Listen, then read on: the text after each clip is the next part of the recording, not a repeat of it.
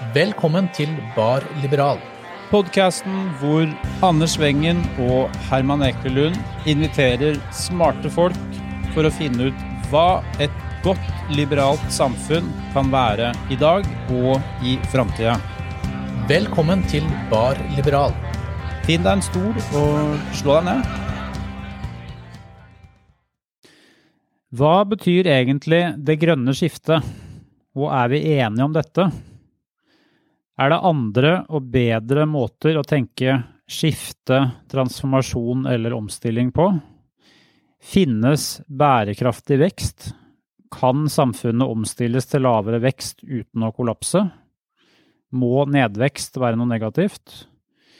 Løser vi energikrisen med å bygge ned naturen, med å lage nye og andre energiformer, eller ved å bruke mindre?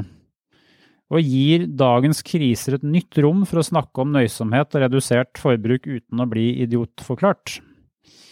Velkommen til en veldig spennende samtale om miljø, energi og dypøkologi med mer i sesongens siste episode av Bar Liberal. Og som vanlig, Anders, så har vi et stjernepanel med oss. Vi har alltid stjernepanel med oss, Viermann. Denne gangen så har vi med oss Per Olaf Lundteigen og Svein Hammer. Per Olaf Lundteigen han er gårdbruker, og han er stortingsrepresentant for Senterpartiet fra Buskerud. To perioder, faktisk. 1993 til 1997, og siden 2005 til nå. Og så er han utdanna can.agric fra Norges landbrukshøgskole, og da gikk han ut ett år etter at jeg ble født, i 1977 og har blant annet vært sekretær i Norges Bondelag og fylkesagronom ved fylkeslandbrukskontoret i Buskerud, i tillegg til å være politiker. Per Olaf har vært en uh, ivrig debattant i diskusjoner om økologi, naturforvaltning, klima og miljø gjennom en mannsalder og vel så det, og står altså for den dette er sitat, skikkelige, grundige, jordnære, klorofyllgrønne profilen i SP4-kløveren. Og så har vi Svein. Svein Hammer han er frilanser med doktorgrad i sosiologi. Han har tidligere vært utviklingskonsulent i Trondheim kommune, FoU-ansvarlig i Husbanken, forsker ved NTNU og Nord universitet, samt leder i Okstindan natur- og kulturpark. Jeg håper jeg sa det riktig. Okstindan. Han har gitt ut fem bøker. Eh, fra evig vekst til grønn politikk i 2016, Foucault og Den norske barnehagen i 2017, Framtidens Norge på spor av et grønnere samfunn i 2018, Sosialdemokrati versus nyliberalisme i 2020 og Grønt manifest i 2022. I tillegg til å holde foredrag har han sin egen blogg, Hammerbloggen, hvor han skriver blant annet om bærekraft. Og i 2023 er han også førstekandidat for lista Grønt Hemnes ved lokalvalget i Hemnes kommune. Der kom du innpå én av to sånne disclaimere jeg må ta før vi setter i gang. Det ene er jo at vi har vanligvis lagt vår ære i å ha et apolitisk panel og holde partipolitikken unna. Eh, I dag så har vi jo endt opp med fire aktive politikere. Det passer jo kanskje siden det nærmer seg valg, så vi kan kanskje kalle dette en liten sånn valgspesial. Det andre er at øh, langvarige lyttere vet jo at vi egentlig legger vår ære i å ha kjønnsbalanse i Bar Liberal og unngår såkalte manuals. Men eh, som de som har fulgt godt med vet, så skulle egentlig Sunniva Rose deltatt i dag, men hun måtte melde avbud pga. Øh, noe oppdrag på jobb som eh, kom foran. Og vi har eh, forsøkt å få tak i flere damer, men det passa ikke med datoen. Så ikke til forkleinelse for noen av dere, eh, bare for å ha sagt at vi er bevisste på dette. Da er vi i gang. Første spørsmål til dere, det er todelt. Eh, du kan få begynne, Svein. Hva tenker samfunnet på når vi snakker om det grønne skiftet? Og hva tenker du på når vi snakker om det grønne skiftet? Det er et stort spørsmål. Eh, det er sånn at um, altså, i bøkene mine så har jo jeg forsøkt å identifisere ulike måter å tenke grønt på. Det er på en måte det som er et slags hovedtematikk i mine tre grønne bøker. Det å identifisere ulike grønne tenkemåter. Uh, og vise hvordan de leder i ulike retninger, har sitt opphav i ulike spor. Uh, og jeg mener vel at det grønne skiftet helt klart er et begrep som er oppstått i forlengelsen av det som jeg i bøkene mine kaller for grønn modernisering. Grønn modernisering er et tankespor som i stor grad handler om å fortsette som, som man holdt på lenge, bare på en grønnere måte. Altså at man skal fortsette et uh, teknologibasert, vitenskapsbasert, økonomisk framskrittsspor, uh, der man skal løse de problemene som har oppstått gjennom i stor grad smartere teknologi, smartere måter å organisere samfunnet på, smartere effektiviseringsspor på et vis.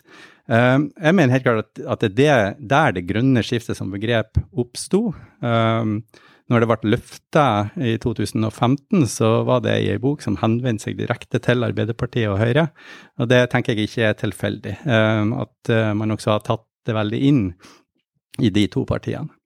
Uh, og når jeg sier alt det her, så betyr det at for meg uh, Jeg har jo faktisk hørt den omtalt av en anmelder som uh, det grønne skiftets vismann. det grønne skiftets stifinner. Men sannheten er at jeg er ikke så veldig glad i begrepet det grønne skiftet. Jeg, jeg søker en, en tenkemåte om grønn omstilling som ikke bare handler om tekniske grep, som ikke bare handler om instrumentelle løsninger, men som handler om å endre samfunnet, og endre hvem vi er, og hvordan vi forholder oss til verden. Uh, og for meg så favnes ikke det inn av det grønne skiftet. Så jeg velger å bruke ord som grønn omstilling uh, osv. heller enn det grønne skiftet. Langt svar. Altså, jeg uh, bruker heller ikke det grønne skiftet. Men jeg er jo veldig opptatt av, av økologi, samspillet i naturen. Og samspillet da mellom natur og menneske.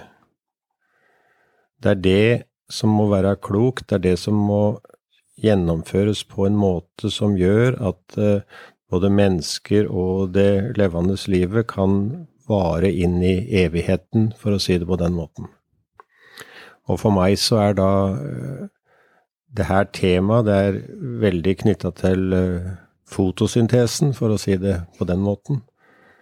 Eh, hvis ikke fotosyntesen fungerer godt, så vil jo ikke menneskene kunne leve på jorda. Fotosyntesen er forutsetningen for alt liv i vannet og, og på land. Og det er en fantastisk innretning, åssen en da greier da å, å um, skape, hvis Vår Herre får litt hjelp til å dyrke fram, kan du si, de planter eller de organismer som menneskene trenger da for å leve i pakt med, med naturen, så, så, vil vi gjennom det eh, kunne på en klok måte eh, i stor grad frigjøre oss ifra det svarte karbonet. For meg så er det veldig skille mellom svart karbon, altså det som er det fossile eh, karbonet, det som er de ikke-fornybare naturressursene, og de fornybare naturressursene, som altså er grønne, som er en del av resultatet av fotosyntesen, og som er representert da med primærnæringene. Altså det er jo ingen næringer som er mer framtidsretta i så henseende enn primærnæringene, altså eh, fiskeriene, eh, eh, ut, utmarksnæringene, skaubruket, jordbruket. Og det er jo et veldig paradoks i dag at eh, vi snakker om det grønne skiftet, og vi snakker om å framelske det, mens de menneskene da som er knytta til eh, primærnæringene eh, er jo jevnt over mindre attraktive, eh, dårligere betalt, har dårligere rekruttering, har i det alle henseender en svakere status enn de som er knytta til et forbruksmønster og en produksjonsmåte som ligger i mange tilfeller veldig langt vekk fra det her. sånn. Så dette er et stort og vanskelig tema som jeg håper vi kan bruke litt tid på. Men du stilte jo til valg for, uh, for første gang for grønt alternativ, var det det? Tidlig, tidlig på 70-tallet, rett etter 68-opprøret og at uh, altså Nå skal ikke jeg si at det ikke var et miljøengasjement før 68, men det var vel da økologi virkelig kom på på, på radaren. Kan ikke du beskrive litt på en måte hvordan miljø, det brede miljøengasjementet har utvikla seg fra det dere var opptatt av da, til hvordan det, si, det grønne skiftet oppfattes i, i dag? Det som utløste virkelig den store grønne diskusjonen på 70-tallet, det var jo oljekrisa. Og det var knapphet altså på olje, i betydningen det ble veldig høye priser på det. Og dermed så fikk du jo en høy verdsetting av det fornybare, altså av primærnæringene, for å si det på den måten. Eh, vi måtte eh, vektlegge da det, det, det, det grønne karbonet eh, mye, mye sterkere. Og, og, det var en heftig diskusjon på, på 70-tallet, og på Norges landbrukshøgskole, som jeg gikk den gangen, så blei det jo da som følge av 68-opprøret en veldig politisering. Og jeg stilte da som til valg da for det, det første politiske valget i studentsamfunnet da høsten 74. Stilte til valg som leder for Grønt alternativ. Og motsetningen for oss, det var rødfront. Det var, det var to frontalternativer. Det var rødfront, som var styrt av Arbeidernes Kommunistparti, marxist-leninistene. Og så var det grønt alternativ, som da var styrt av Senterstud eh, den gangen. Seinere kom jo Venstre inn da, med en liten parallell til det diskusjonen i dag om grønt skifte, og de kalte seg da for radikalt gras. Eh, og det er litt betegnende, kan du si, sånne abstrakt fiffige begreper som, som, folk hadde veldig problemer med å holde i handa. Og jeg har ikke noe sans for det der sånn. Jeg er opptatt av det konkrete, opptatt av det jordnære, opptatt av at det faglig skal, skal henge sammen. Og da er Vi definerte innholdet da i grønt alternativ på, som en, en økologisk bevegelse den gangen. Åssen kan vi Eh, utvikle da produksjonslivet innenfor jordbruk og, og skaubruk, som vi diskuterte den gangen, eh, mest mulig pakt med naturens krav framover, samtidig som vi, vi kunne høste da av, av overskuddet, og, og, dermed altså redusere forbruket av, av eh, ikke-fornybare naturressurser.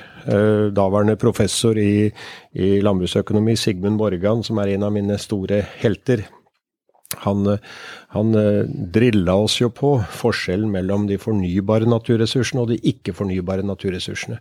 Og vi skulle altså utvikle et jordbruk, et skaubruk, et fiskeri som skapte en overskudd eh, av fornybare naturressurser. Og vi skulle redusere forbruket av det fossile. Men øh, hva tenker du er hovedforskjellene på den diskusjonen eller krangelen du hadde med Rødfront og Radikalt Gras da om miljødebatten rent tematisk og det vi diskuterer i 2023? Jeg syns at det, på 70-tallet var en, det var mer kunnskap i debatten enn det det er, det er nå. nå. nå.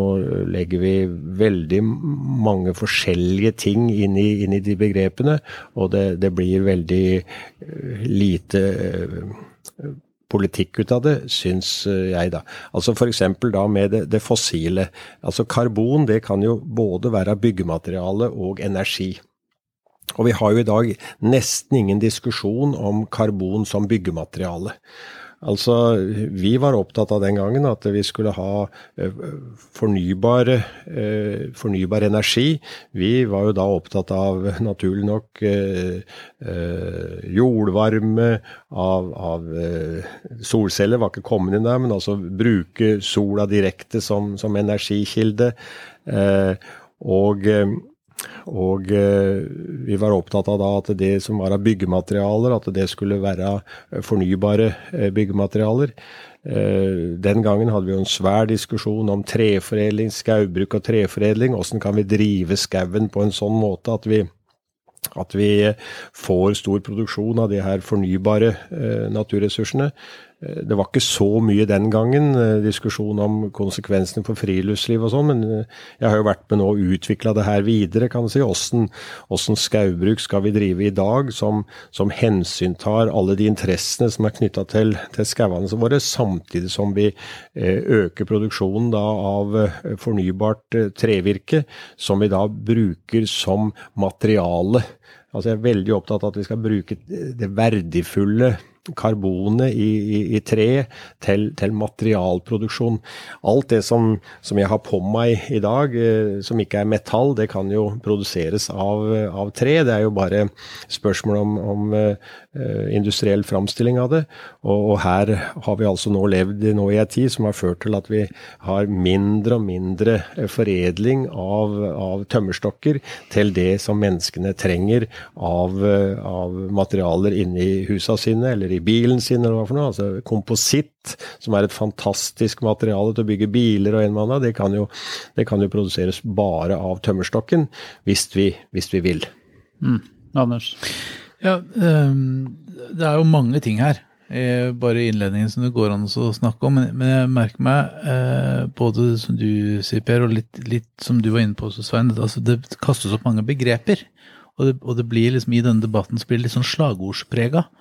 Eh, det grønne skiftet f.eks. er jo sånn type slagord som selv jeg, som jo har vært lokalpolitiker i mange år, er litt usikker på hva vi egentlig mener med det grønne skiftet. Og så snakker vi om utvikling, og så snakker vi om omstilling, og så snakker vi om bærekraft, og så kan alle sammen legge liksom egne verdier inn i disse, disse ordene. Og, og, Svein, du sa det at ja, nå, du, du tenker mer at vi trenger omstilling, kanskje mer enn utvikling. Og så liksom, ja, Hva innebærer det? Hvordan kan vi gjøre det konkret, så jeg skjønner hva det innebærer? Var ikke helt det jeg sa, men, men uh, altså og Først vil jeg si jeg er, jeg er veldig enig med nesten alt du sa nå uh, i forhold til det med natur og mennesker. Første kapittel i Grønt manifest, boka, siste boka mi, het faktisk 'Naturen og menneskene'. Uh, og det er et sånt gjennomgående trekk i boka at jeg f.eks. For forsøker å vise uh, muligheten for en mer regenerativ tenking. Altså en type at man legger opp både ikke bare landbruk, men egentlig samfunnet i det store hele med, med, tanke på at man styrker de produktive kreftene i naturen, sånn at vi kan uh, leve godt av dem. Eh, altså ikke bare eh, bevare en balanse, men faktisk eh, gjøre alt vi kan for å styrke det produktive i naturen. jeg tenker at det er en sånn helt grunnleggende tenkemåte i, i, min grønne tenking, som jeg jo hører at ligger veldig hos deg òg. jeg tenker på, i, forhold til temaet kunnskap, for å ta en liten vei innom det, så er det viktig, og det sier jo jeg som samfunnsforsker selvfølgelig, at det har vært veldig mye fokus på naturvitenskapelig kunnskap, på økonomisk kunnskap, på teknologisk kunnskap over lang tid. Jeg tror at den samfunnsvitenskapelige kunnskapen trenges eh, mer enn Den har fått for lite plass, eh, etter min mening. Og det handler litt om å forstå at eh, omstillingsprosesser i samfunnet preges av en rekke brytninger mellom ulike posisjoner og ulike strømninger som står mot hverandre. Eh, og der begrepene ofte ikke bare er abstrakte størrelser. Begreper leder oss i ei retning, fylles med innhold og preger dermed politikken. Uh, og hvis man ser på, på linjen helt ifra uh, Jeg er jo helt enig i beskrivelsen av, hvordan 70-tallet var, men det var nok Altså, det var nok en, en Altså Det er gjerne sånn at når, når, noe nytt oppdages, når noe nytt blir viktig, som den grønne politiske tanken på en måte var på slutten av 60- og så utover 70-tallet, så utfordrer det det bestående. Uh, og det jeg vil påstå skjedde, det var at det etablerte samfunnsmaskineriet eh, aktivt bearbeidet en radikal grønn tanke sånn at den kunne innpasses i det etablerte samfunnsmaskineriet. Mm. Og eh, etter min mening så er Brundtland-kommisjonen og Vår felles framtid en bit av denne bearbeidinga, der på en måte den økologisk radikale tanken blir, blir knadd inn i det etablerte systemet, sånn at man kan i stor grad eh, bringe samfunnsutviklinga videre langs eh, det moderne sporet, bare at man som sagt løser det på en grønnere måte. Uh, og det jeg påstår i, allerede i debutboka mi i 2016, altså det var jo rett etter at begrepet det grønne skiftet var oppstått, det var at Eh, det går i direkte linje fra eh, Brundtland-kommisjonen til begrepet det grønne skiftet. Eh, og det handler om en tenkemåte. det handler ikke bare om kunnskap, det handler om en måte å tenke på. Som, som, som, gjør at det ikke er noe overraskende for meg at det begrepet så kraftfullt ga gjenklang i politikken og ble tatt i bruk av eh, ulike eh, politikere eh, på ulike posisjoner eh, tok det grønne skiftet veldig i, i bruk. Eh, og at Altså som sagt, Problemet med, med, for meg med det grønne skiftet altså Det er ikke sånn at jeg har noe imot at man tar i bruk teknologi og vitenskap osv. for å gjennomføre en teknisk, instrumentell endring av samfunnsutviklinga, men, men, problemet er at det gir ikke rom for en mer verdibasert refleksjon om hva vi vil med samfunnsutviklinga. Om det finnes mulighet for å, øh, å lede Altså søk et, et, et, samfunn som blomstrer uten at det er så avhengig av vekstbasert framskritt som vi har, vi har gjort oss så vant det til det vekstbaserte framskrittet. At vi trenger på en måte å frigjøre oss litt ifra det. Um, så det betyr at jeg tar nok til orde for at ja, vi trenger uh, vitenskapelig kunnskap, men vi trenger også verdier. Vi trenger også en refleksjon over hvordan vi tenker. Fordi at hvordan vi tenker kanalisere oss faktisk i den ene eller andre retninga. Eh, og det er veldig viktig å være bevisst i forhold til det. Sånn som jeg har, har visst gjennom den boka mi om sosialdemokrati og nyliberalisme. Nyliberalisme var en, en tenkemåte som eksisterte på sida av sosialdemokratiet, som på et tidspunkt begynte å vinne fram, og som endra hvordan samfunnet ble styrt og forma. Uh, og det er klart at det er et eksempel på at abstrakte ideer faktisk kan ha samfunnsmessig konsekvens på en ganske kraftfull måte, uh, hvis man de vinner gjennom å, styre oss og forme oss. Så derfor så, altså Mine bøker handler grunnleggende sett om å identifisere ulike måter å tenke grønt på, uh, for derigjennom å synliggjøre litt bedre om hva er det vi egentlig er uenige om. Hvor er det vi bør ta debattene? Finnes det alternative retningsvalg til de dominerende retningsvalgene? Um, for jeg har jo den mening at altså tenkinga rundt det grønne skiftet er blitt så dominerende at det nesten ikke er politisk debatt. Det er ikke verdibasert debatt rundt det lenger. Det handler bare om å få på plass løsninger fortest mulig. Ja, altså Brundtland-konvensjonen kom jo bare for å synliggjøre ett år før jeg ble født. Mm. Så jeg er jo innpoda på akkurat der. Det her er den eneste måten å tenke grønt på. Og at Arne Næss og dypøkologi og alt det der, holdt jeg på å si, er uh, rare greier. Eh, kjenner du deg igjen, Per Olav, på, at det linjeskiftet Altså det, det kom eh, Det som skjedde da rundt 86-87, vår felles framtid. Begrepet bærekraftig vekst, kjenner du deg igjen i det linjeskiftet som Svein eh, beskriver her, med at man liksom bearbeida den grønne tankegangen for å passe inn i fortsatt vekst? Ja, jeg gjør det. Jeg gjør det, altså. Eh, for oss i Senterpartiet så var jo Forankringa vår var forvaltertankegangen. Altså forvaltninga av naturen. Og den forvaltninga av naturen så lå det jo det at vi skulle også i større grad leve av naturen. Og da må du jo Du må jo bruke naturen. Og, og alt menneskelig aktivitet er jo i, i, i sin sum et kompromiss. Så det, det, har jo noen konsekvenser for naturen at vi lever av naturen. Jeg bor på et sted nå som som jeg har tenkt veldig mye på åssen så det stedet ut for 100 år siden. For at nå har naboen hogd ned så mye skau rundt meg at nå har jeg fått utsikt både til Ormåsen og til Hokksund og til Vestfossen og den andre. Og så har jeg tenkt, åssen så nå dette stedet ut for 100 år siden? Det var antagelig mye mindre trær der, for de som bodde på det stedet jeg bor nå, de hadde ikke strøm, de hadde ikke noen, noen motorer. En måtte leve av det som var rundt en, av planter og dyr og, og, og A3-er. Og det var en ganske sterk belastning på, på naturen. Men, men, men, den kunne jo ikke med den teknologien gjøre så mye gæli, egentlig, enn annet gæli enn å, å hogge ned eller å, å, beite litt for, for hardt. Da. Når, når en da Hvis en slutta med det, så vokste jo, vokste jo opp igjen. Så jeg var veldig opptatt av å forvalte forvaltertankegangen. Gunnar Stålsett, som seinere ble biskop, han var jo leder av Senterpartiet og, og tok jo fram slagordet 'vekst er ikke å forbruke mer, men å forvalte bedre'. Veldig flott slagord som, har, som jeg har, har, heist fram i mange sammenhenger. Eh, den gangen eh, Erik Damman, eh, 'Fremtiden i våre hender', slo jo veldig godt an i, i den eh, kretsen som jeg var en del av. Jeg var jo medlem der helt fra, fra starten og helt til at eh, at uh, Fremtiden våre hender fikk en, en, leder som har en sentral rolle i MDG i dag, hvor, som sa det at uh, det er ikke farlig å, å gi, gi, gass så lenge du ikke spiser sauekjøtt. Og da meldte jeg meg ut, kan du si. Det var jo veldig naturlig.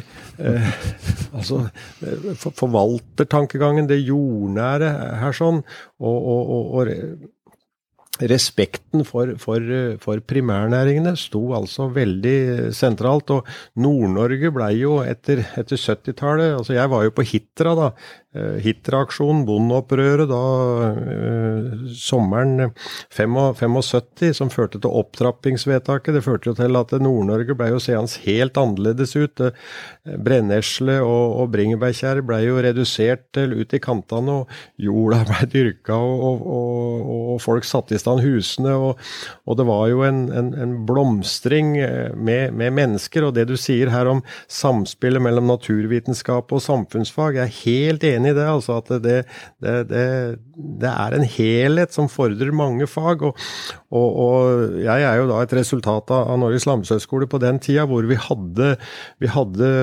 du, du, har skjorte med sosiologi, jeg burde hatt skjorte med, med bygdesosiologi, som var det viktigste faget mitt på, på Landbrukshøgskolen.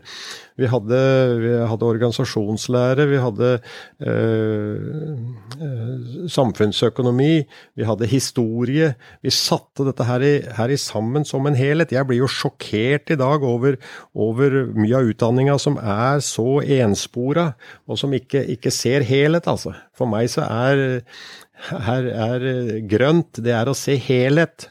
Og, og, og, og forstå det at det er et samspill, og det og det har jeg da kommet til at det er også, en, eh, er også et, et, kompromiss.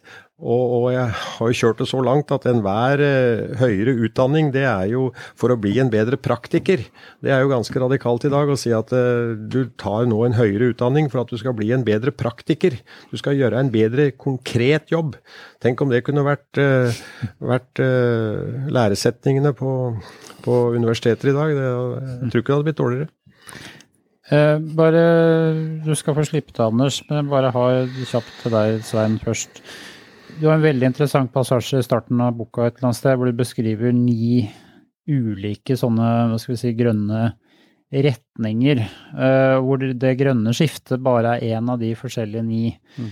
Uh, og ditt foretrukne sluttpunkt er vel det du kaller grønn transformasjon. Mm. Kan du fortelle litt om de forskjellige retningene og hvorfor eh, du foretrekker det siste?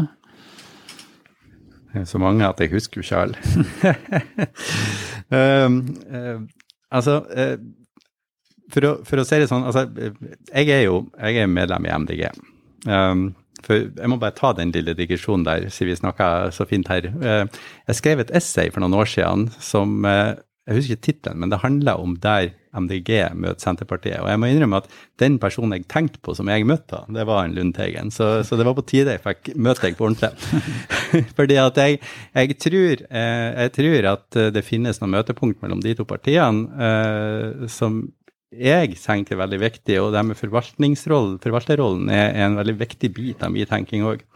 Men i hvert fall, jeg er, altså jeg er samfunnsforsker, og når jeg ble med i MDG første gang, for jeg var med i årene 2012 til 2014, og så meldte jeg meg ut, og så har jeg nettopp meldt meg inn igjen. Ehm, så ble eh, forskeren i meg veldig aktivert i forhold til eh, en fascinasjon over hvordan man kunne være grønn, men likevel uenig. Og det setter i gang en prosess som er på en måte bare en slags sånn tiårig forskningsprosjekt der jeg har forsøkt å identifisere ulike grønne tenkemåter, som jeg også har publisert om i et sosiologisk tidsskrift for en to-tre år siden. Men altså, det strekker seg jo ifra en tenkemåte som handler om at vi fortsetter som før, og så fikser problemene seg av på egen hånd. Via ulike tankespor som er veldig teknisk orientert, eh, har vitenskap, tekniske, instrumentelle løsninger, til Arne Næss, dypøkologien, verdier eh, osv. Eh, rød posisjon som krever at vi skal ha et marxistisk samfunn. Eh, og så kommer vi fram til det grønne skiftet. Uh, og det, altså Du nevnte fremtiden i våre hender. Jeg tenker at En sånn typisk fremtiden i våre hender-tanke er jo det her at vi må leve mer nedtona og likevel Eller vi kan leve mer nedtona og likevel ha det bra. Mm. Um, og det er en av de sporene jeg forsøker å forankre boka mi i. At uh, det her med å leve mer nedtona, det å kanskje trekke seg litt tilbake, ta mindre plass. Men samtidig så tenker jeg at det er Og det er òg en kritikk mot uh, den økologiske tenkinga på 70-tallet. Og det handler om at verden har faktisk endra seg på de 50 årene som er gått siden Arne Næss formulerte sine tanker for første gang. Uh, vi har tatt steget inn i en antroposen tidsalder der man har anerkjent Tenk på plastfragmentene som, som, sprer seg i naturen, og som vil være der i kanskje tusenvis av år.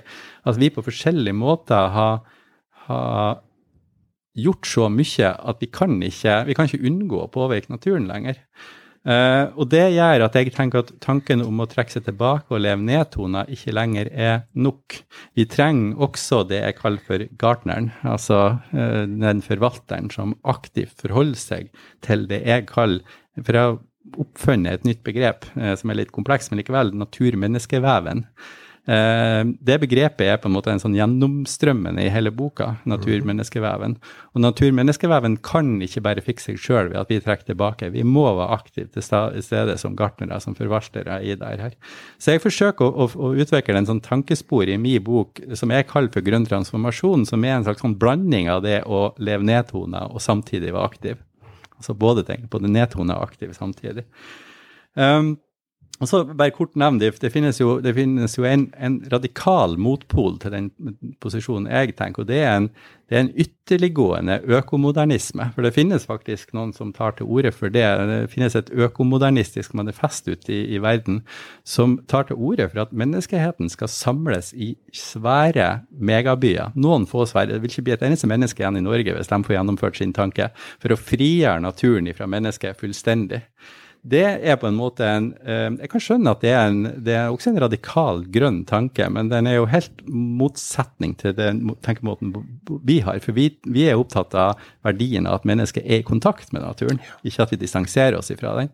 Så, så, det finnes mange ulike tankespor eh, som er i spill, og jeg har på en måte forsøkt å identifisere dem, og så inntar jeg en posisjon i boka, og så skriver jeg boka med det som utgangspunkt. og Det kaller jeg for grønn transformasjon. Og det grunnleggende sett i ordet med grønn transformasjon jeg vet ikke om Altså, dere er kanskje for gamle for å leke, leke med Transformers, men det er jo sånn leker som man ved å skru litt på dem, så omdanner de seg fra den ene tingen til den andre, uten at man skifter ut noen deler. Man bare skrur på det, og så, så blir helheten annerledes.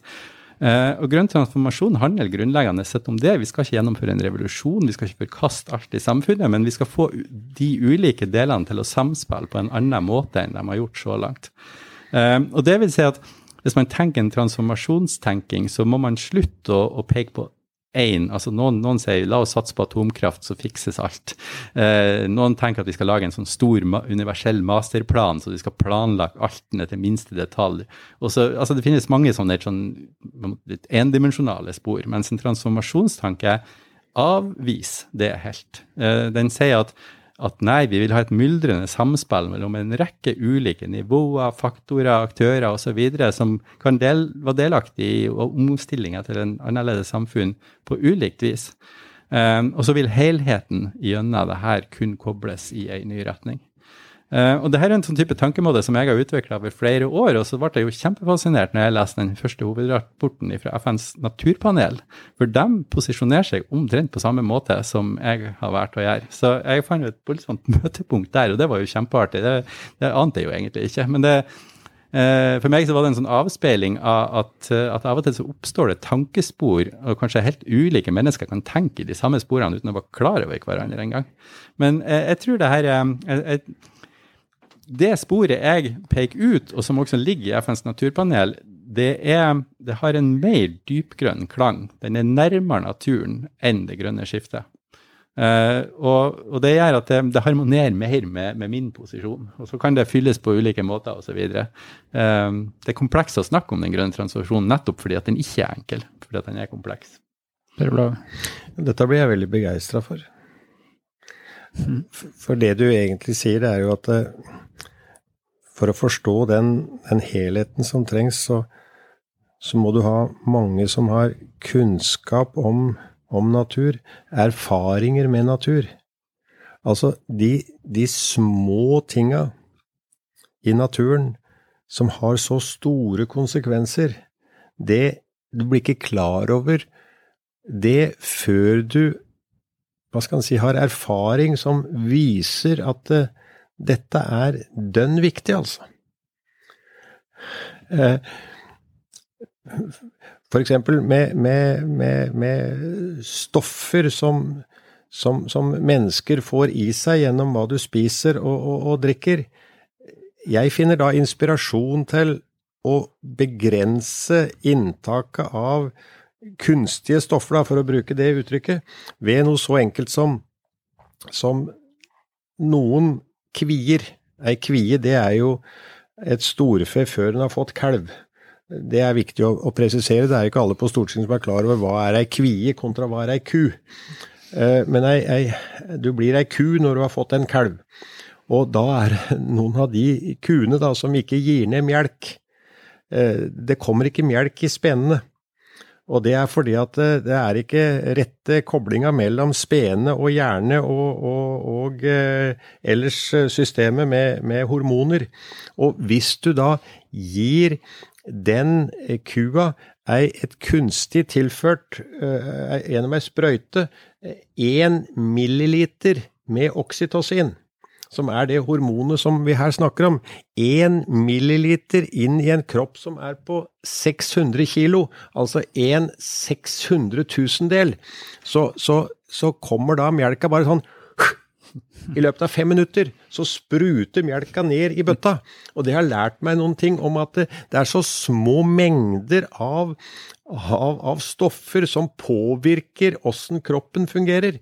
Og vi har så gjennom de mysterier i naturen, alle de, alle de organismene som lever der, alle de, de, plantene som har sine forskjellige egenskaper, alle de, de farvene som utspringer seg, åssen vi kan endre på dette her sånn.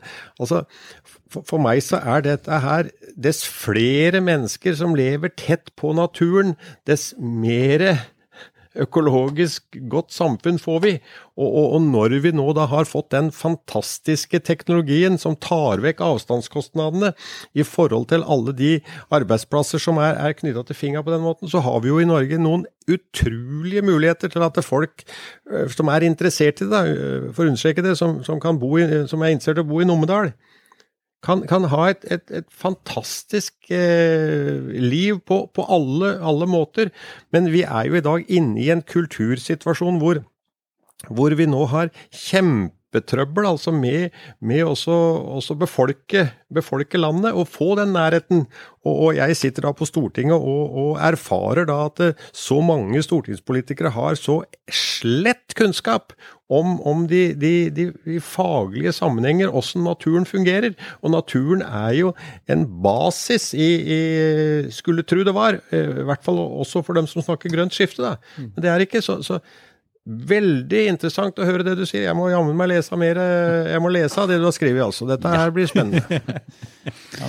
det, det, som slår meg litt når jeg, når jeg hører dere begge prate, for, for jeg òg blir jo veldig entusiastisk av dette. Og jeg, fra mitt politiske ståsted, ser jo at dette her er jo liksom, her ligger det en litt sånn sosialliberal grunntanke også. ikke sant? Her skal alle myldre. Her skal vi mm her skal enkeltindividene få sin plass og alle forskjellige kompetansen, og vi skal komme i nærhet med naturen, og alt dette er jo veldig fint. Og så, så, tenker jeg at når vi sitter sånn som vi sitter nå, eh, og prater om det, og har en dialog om det, og har liksom tid til refleksjon, og har tid til å leite etter og tid til å lytte, så, så, så oppstår det jo liksom denne type eh, åpenbaringer som vi gjør nå.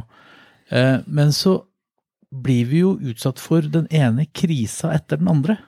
Ikke sant? Altså, nå er det jo klimakrise, det er naturkrise, det er uh, migrasjonskrise, uh, det er plastkrise.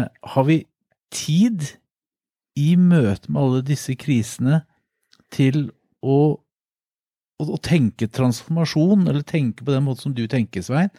Eh, for det som er det besnærende med teknologien, er at vi jo da kan tenke litt sånn som, som dere jo begge for så vidt kritiserer. At jo, jo, hvis vi nå bare greier oss å få atomkraftverk, så har vi fiksa biffen. Eller hvis vi nå bare greier å finne erstatning til plast, så har vi løst det. Eh, men så enkelt er det jo ikke.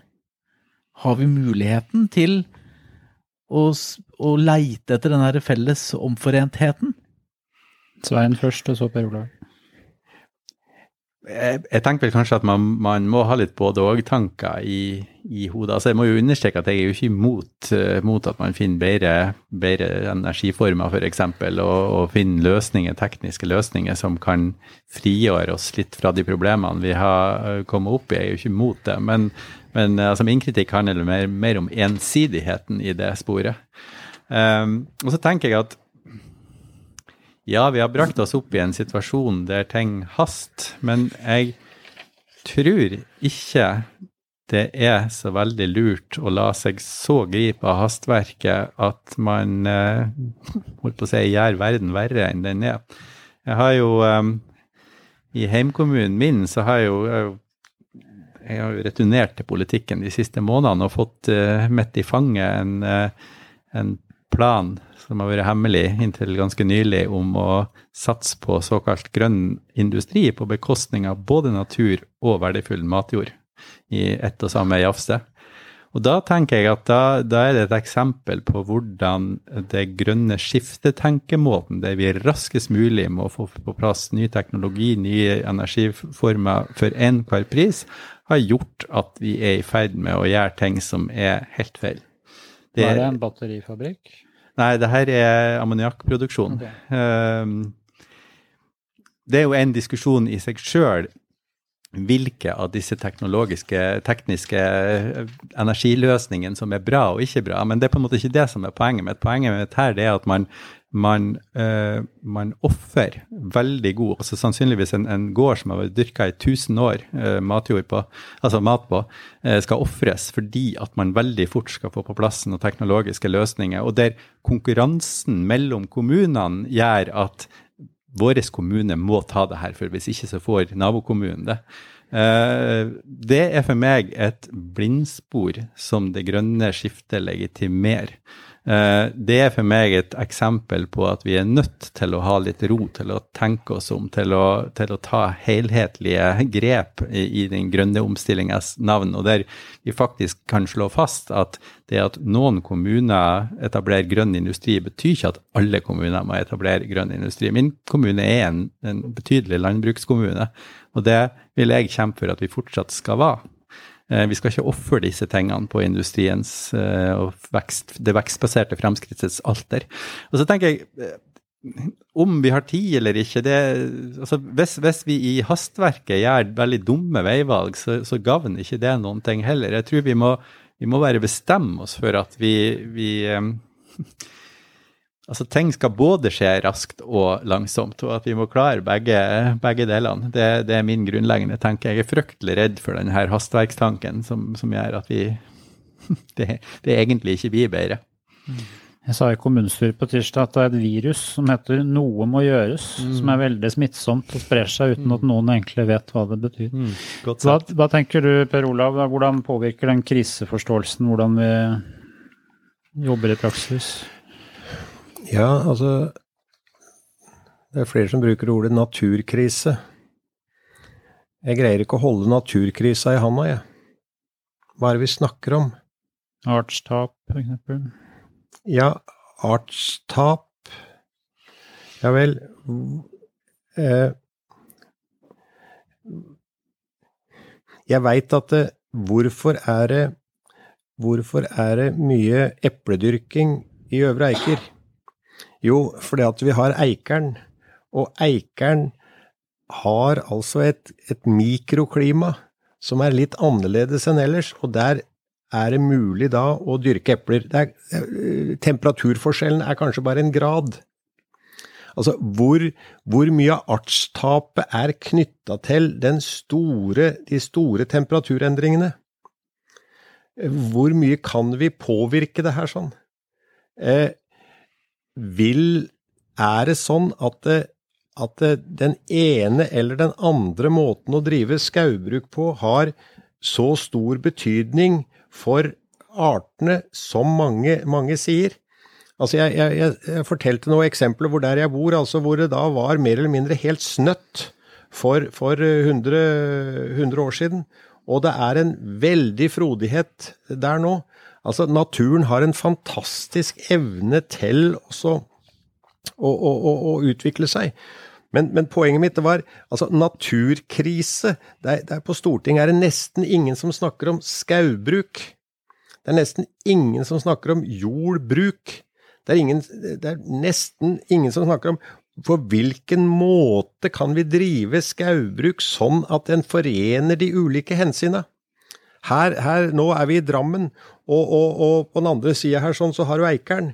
Der har du et, eh, et, et Cambrosilur-område med eh, utrolig vekstlige forhold, og så har du et mer grunnfjellsområde hvor det ikke vokser sånn. Men der er det diskusjonene nå om åssen kan du da verne da det Cambrosilur-området, istedenfor å diskutere åssen skal vi drive et skaubruk der, sånn, sånn at vi får ut av den fornybare karbonet som vi kan lage klær av, eller som vi kan lage biler av, eller, eller heller sånn og som samtidig, etter beste vitenskapelig kunnskap, ivaretar de, de, naturhensyn som vi skal ha, altså den forvaltertankegangen. Sånn tenker jeg systematisk det er sånn.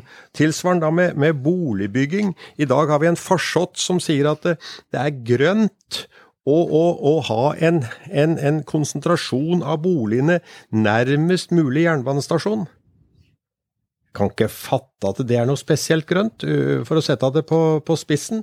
Det vil jo være mye grønnere å, å, å, å bygge nye boliger i Øygardsgrend i, i, i Nore og Uvdal eller i gamle Nore kommune, med solrike, flotte, større, større, tomter og med fiber i veggen, og, og, kan sitte der sånn og ha altså et nærhet til naturen og et, et, et liv som, som forener de ulike hensyn her sånn det, det, det, er så mye å ta tak i. Og det med det, dette temaet vi snakker om nå, altså alt som er langsiktig All langsiktig tenkning er for meg mye mer positivt enn det som er kortsiktig. Du kan godt ta raske beslutninger, ja, men altså det skal være beslutninger som stimulerer til en langsiktig utvikling. Altså det, det nytter ikke å starte på en gård og så, og så tenke at ja, nå skal vi legge en plan for fem år. Dropp it, altså. Du må ha en plan for 30 år, du må ha en plan for 60 år. En av de mest økolog, økologiske lov, lovene eh, som Stortinget fortsatt holder fast ved, det er jo odelsloven, som altså sikrer den langsiktige tenkinga på både fruktbarheten i jorda, fruktbarheten i skauen. Det regner jeg med er helt i tråd med din, eh, din tenkning her. Altså alt som er langsiktig, det er bra. For eksempel da Eh, på kort sikt så er det jo en veldig profitt i å bruke kloakkslam ute på jordene kloakkslam fra, fra renseanleggene. Det, det, gir en utrolig boost i, i, veksten, men dermed så får jo en god del andre stoffer gjennom det kloakkslammet, som på lang sikt kan føre til altså at du får mengder av tungmetaller og andre ting som gjør at det, eh, dette her kommer inn i, i økosystemet og ender opp i, i kroppen din, og, og, fungerer akkurat som den der oksytocinet på den der, den der, den der kua. Det, det blokkerer noen sammenhenger.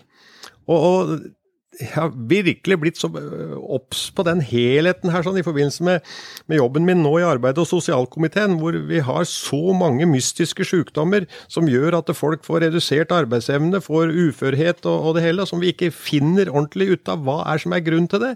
Og min hypotese og, og, og beste vitenskap nå er, er jo at det, mye av det vi drikker og, og det vi spiser, hva det inneholder, har så stor betydning for helsa vår, for små mengder kan forandre hele atferden. Så det, dette her er utrolig komplekst og, og, og, og, krevende.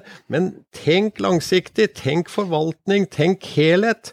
Og da, da må vi koble sammen de ulike faga som du Hammer mm. har snakka om. Sånn, mm. Jeg tror vi kan reskere å finne hverandre mer enn det jeg hadde regna med her i dag. ja, Svein? Ja, jeg, jeg, jeg, henviser til et begrep som ikke er mitt, men som jeg, jeg liker i denne boka, her, nemlig det å, å, å, tenke på hvordan vi kan bli gode forfedre for våre etterkommere. Og Det tenker jeg er en sånn type verdi som jeg tror jeg ligger veldig dypt i landbruket. fordi at man hele tida tenker hvordan kan man bli gode forfedre for dem som skal drive det her bruket videre. Um, så ja, det å tenke langsiktig og det å ta valg som har effekter på lang sikt, jeg er veldig enig Men samtidig så må jeg understreke i den grad du er litt tvilende, men du er vel ikke det, til, til at vi har en naturmangfoldskrise, så, så, um, så har jo natur, FNs natur klimane, naturpanel sagt veldig tydelig at det er det er hinsides enhver tvil vitenskapelig klargjort at vi har et tap av naturmangfold som ikke nødvendigvis har slått seg ut i at så mange arter ennå har forsvunnet helt, men at det er en kraftig reduksjon i veldig mange arter. Og det er jo alt fra dyr og fugler til insekter. Eh, og, og, dermed også eh, berøring med mikrolivet i jordsmonnet, som jo har, igjen har betydning for hvor fruktbart eh, jorda er, osv. Um, og at um, FNs naturpanel sier at den viktigste årsaken til tap av, uh, av naturens livskraft er vår nedbygging av uh, landskapsområder.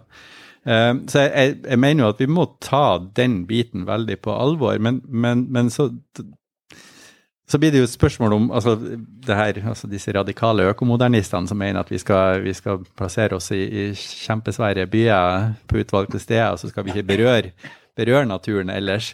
Um, jeg har jo ikke tro på, på den retninga. Jeg har jo tro på at vi må få en større bevissthet. Det er jo veldig overensstemmelse med det du sier, om hvordan vi forholder oss til uh, naturen når vi forvalter den og bruker den.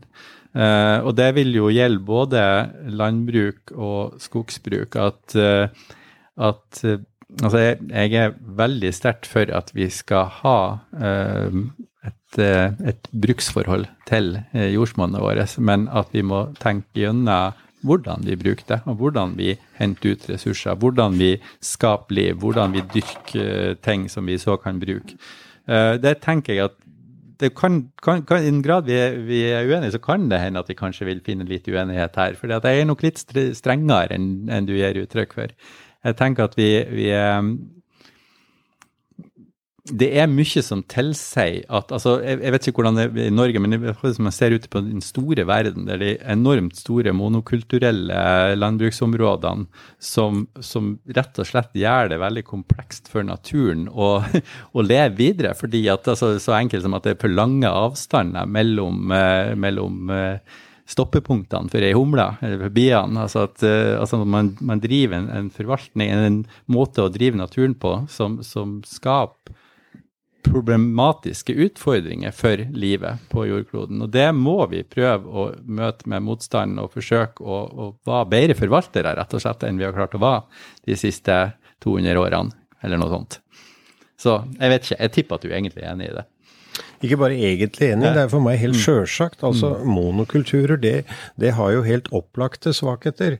Og, og, og, veldig stor grad det som forutsetter monokulturer, er jo da en eiendomsrett som, som er veldig, i praksis veldig skeivt fordelt. At det er mange eh, da har eh, råderetten gjennom eiendomsretten over store arealer.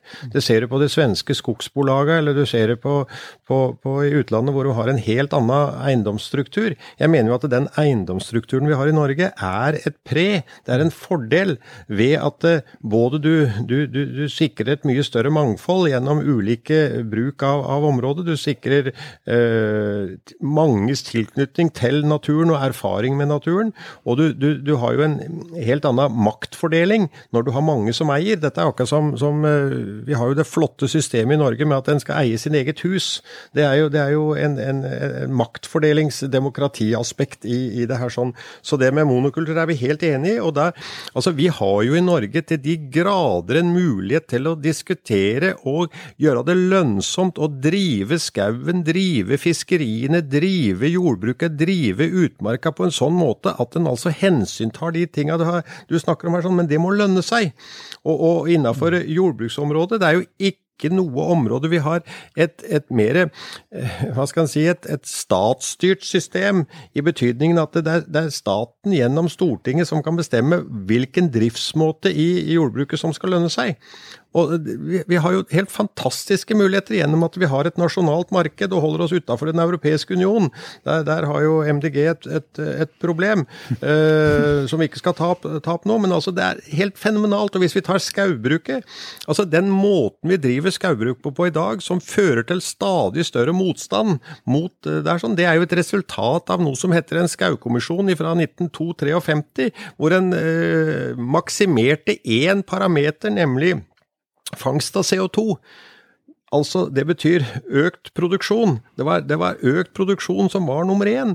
Og, og, i dag så står vi da overfor et mer, hva skal en si, et Eh, allsidig behov for åssen du skal drive skauen. Og da må det jo nedsettes en ny skaukommisjon, og åssen skal vi drive skaubruket som, som vi har, har, har snakka om. Istedenfor da å se på at vi skal verne så og så mange prosent av skauen, i betydningen ta skauen ut av produksjon. Det er helt vanvittig å tenke på den måten, istedenfor å diskutere på hvilken måte skal vi drive skauen.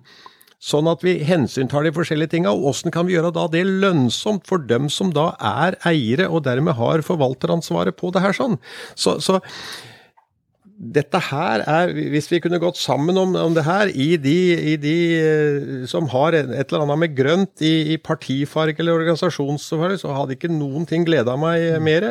Men i dag så er det, det er å, å bo oppå jernbanestasjonen og å ta skauen ut av, av produksjon og ikke produsere sau, men ha hvitt kjøtt, liksom, da er du, da er du bom, bom, bom i min, i min, i min verden, altså. Nå setter jeg det litt på spissen. Hva er forskjellen på hvitt og rødt kjøtt, Svein? Altså, jeg, jeg, jeg, tror vi kunne ha danna parti i lag, jeg og Lundteigen. Kanskje Vi skal gjøre Vi kunne ha danna et parti i lag, jeg og du. Ja, nå begynner det å ligne noe. Men eh, nei, altså, jeg, jeg, er nok eh, Altså, jeg vet jo at jeg har partifeller som er heftigere eh, uenig med, med enkelte av de tingene du sier enn jeg er. Så, så lenge, vi, lenge, vi, kan være enige om at, om at vi skal forhåpentligvis er vi enige om det òg, at eh, den mest gamle skogen som har fått stått urørt, skal få lov å stå urørt fortsatt. For det, er faktisk nå sånn at, eh, at det er en, en, natur der som har utvikla seg over lang tid, og som vi ikke bør eh, gripe inn i. Det er for meg en veldig viktig altså Vi skal ikke slutte med all vern, men, men den skogen som allerede er tatt i bruk, den ser jeg absolutt for meg at vi skal fortsette å bruke og fortsette å forvalte og fortsette å ta ut materialer ifra. Men vi bør tenke eh, nøye over hvordan det skal gjøres. Så ja, ingenting ville vært bedre om, om, hvis man kunne fått et litt annet spor på hvordan eh, norsk skogdrift eh, drives i tida framover. Så kanskje en kommisjon er tingen, ja. Um, nå husker jeg egentlig ikke hva jeg fikk spørsmål om. Forskjellen på hvitt og rødt kjøtt, men uh, det var litt sånn folkeopplysningsøyemed. Det, ja, det, jeg kan jo uh, dra litt omkring det. altså nå I diskusjonen på Stortinget i dag så, og, og, i opinionen så framstilles det sånn at det, uh, det jeg kaller for mørkt kjøtt, eller det som kalles for rødt kjøtt, er et klimaproblem. Og folk som sier at, uh, at kjøtt fra grasetende dyr er et klimaproblem, da, da, da, blir jeg helt, da blir jeg helt rasende forbanna, jeg. For det at det som er kjennetegnet på det viktigste dyr, husdyret som produserer hvitt kjøtt, nemlig kylling, det som er kjennetegnet på det, det er at det dyret spiser bare menneskemat. Og så er det noen som altså mener at det dyret som spiser bare menneskemat, det er et klimamessig mer høyverdig dyr, hvis du skal spise kjøtt, da, enn det dyret som kan leve bare på gras. Det er en, det er det er en logisk brist av dimensjoner. For for menneskene så er det jo om å gjøre å spise menneskematen direkte. Vi, vi må jo spise kønnet direkte, vi må spise potetene direkte, vi må, vi må, vi må spise de grønnsakene som vi, som vi, kan spise direkte og leve av og få de mineralene og vitaminene og sånn, det må vi spise direkte. Og i den grad vi da trenger noe kjøtt, så burde vi jo da spise det kjøttet som kommer ifra et dyr som kan spise et gras som menneskene ikke kan leve av, og et gras som vi har mer enn, mer enn nok av. Og når da det blir framstilt sånn at det er, det er det dyret som spiser gras som er problemet, da, da, altså I Senterpartiets rekker og i disse her, de djupe øh, grønne kretsene, som er de verdikonservative gårdbrukerne i veldig stor grad, de blir helt rasende forbanna når MDG kommer her og sier at, at, at rødt kjøtt er problemet. Det, det, er, det, er, som å, komme med en sånn, øh, en, en sånn virkelig bannbulle, altså. Du forstår meg? Ja da, det er jeg. Men jeg er jo ikke sikker på ikke sikker på om man egentlig ser at rødt altså, men altså, Er du ikke sikker på det? u- u- Ja, men du følger vel med i diskusjonen? Altså, ulike, ulike MDG-ere vil si det her på ulikt vis. Sånn er, det. Men, Ja, men ta, altså- ikke ta MDG, da. Ta Aftenposten, da. ja, eller, men, eller men, noen som men poenget, er jo, poenget er jo Det ene er jo rødt kjøtt bra eller ikke, en diskusjon. Men så er jo andre spørsmålet mengden kjøttproduksjon. Ja, men det- eh, og og det- hvis, vi, hvis vi kan bli enige om at vi spiser veldig mye kjøtt i Norge i dag Ja visst. Du har vel lest eh, mine Mm. ernæringsråd, og det, det praktiserer jeg på Stortinget. Og da, da ser de jo på meg med, med rare øyne når jeg ber om fem poteter og ei kjøttkake. Det er jo, det er jo ikke, noe, ikke noe vondt i å spise fem poteter og ei kjøttkake. Og for å gjøre det litt eh, mer spiselig, da, så sier jeg tre poteter og ei kjøttkake. Og mye saus. Jeg mener i hvert fall helt klart at altså, min tenkemåte harmonerer veldig med det du sier, Ja, det at det er bedre med matproduksjon basert på naturlige ressurser enn matproduksjon basert på import av soya fra andre land. Men nå har vi fått presentert at det grønne skiftet, det er å ikke spise kjøtt ifra drøvtyggere. Hæ? Tenk på det! jeg, tror ikke det er mange, jeg tror ikke det er mange som sier det der helt ut.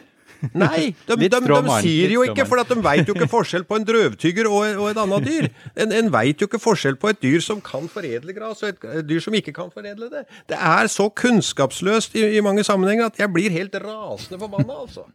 Men det virker som det er en, en litt sånn eh, eh, Som vi kommer tilbake til igjen og igjen, er jo dette med det industrielle som en, på en måte som en, som en utfordring. Altså den derre konsolideringsøkonomien som vi jo har sett eh, i, i verden, men også etter hvert begynner å se mer og mer i, i Norge. Og det virker jo noen ganger, Per, som at det kanskje er villet politikk. At man skal ha større og større bruk for at man skal bli mer effektiv og produsere mer for mindre øh, Dytte inn mindre energi og få mer ut. Er det det, er det der vi på en måte kan enes om at, at de fleste på, på, på miljøsida, at, der er en, en av hovedutfordringene? Det er på det industrielle, det er på konsolideringsøkonomien, det er på de store, store aktørene? Du sier at det virker som om at det kanskje det er en stimulans av det der og sånn og sånn. Altså, du er jo så beskjeden.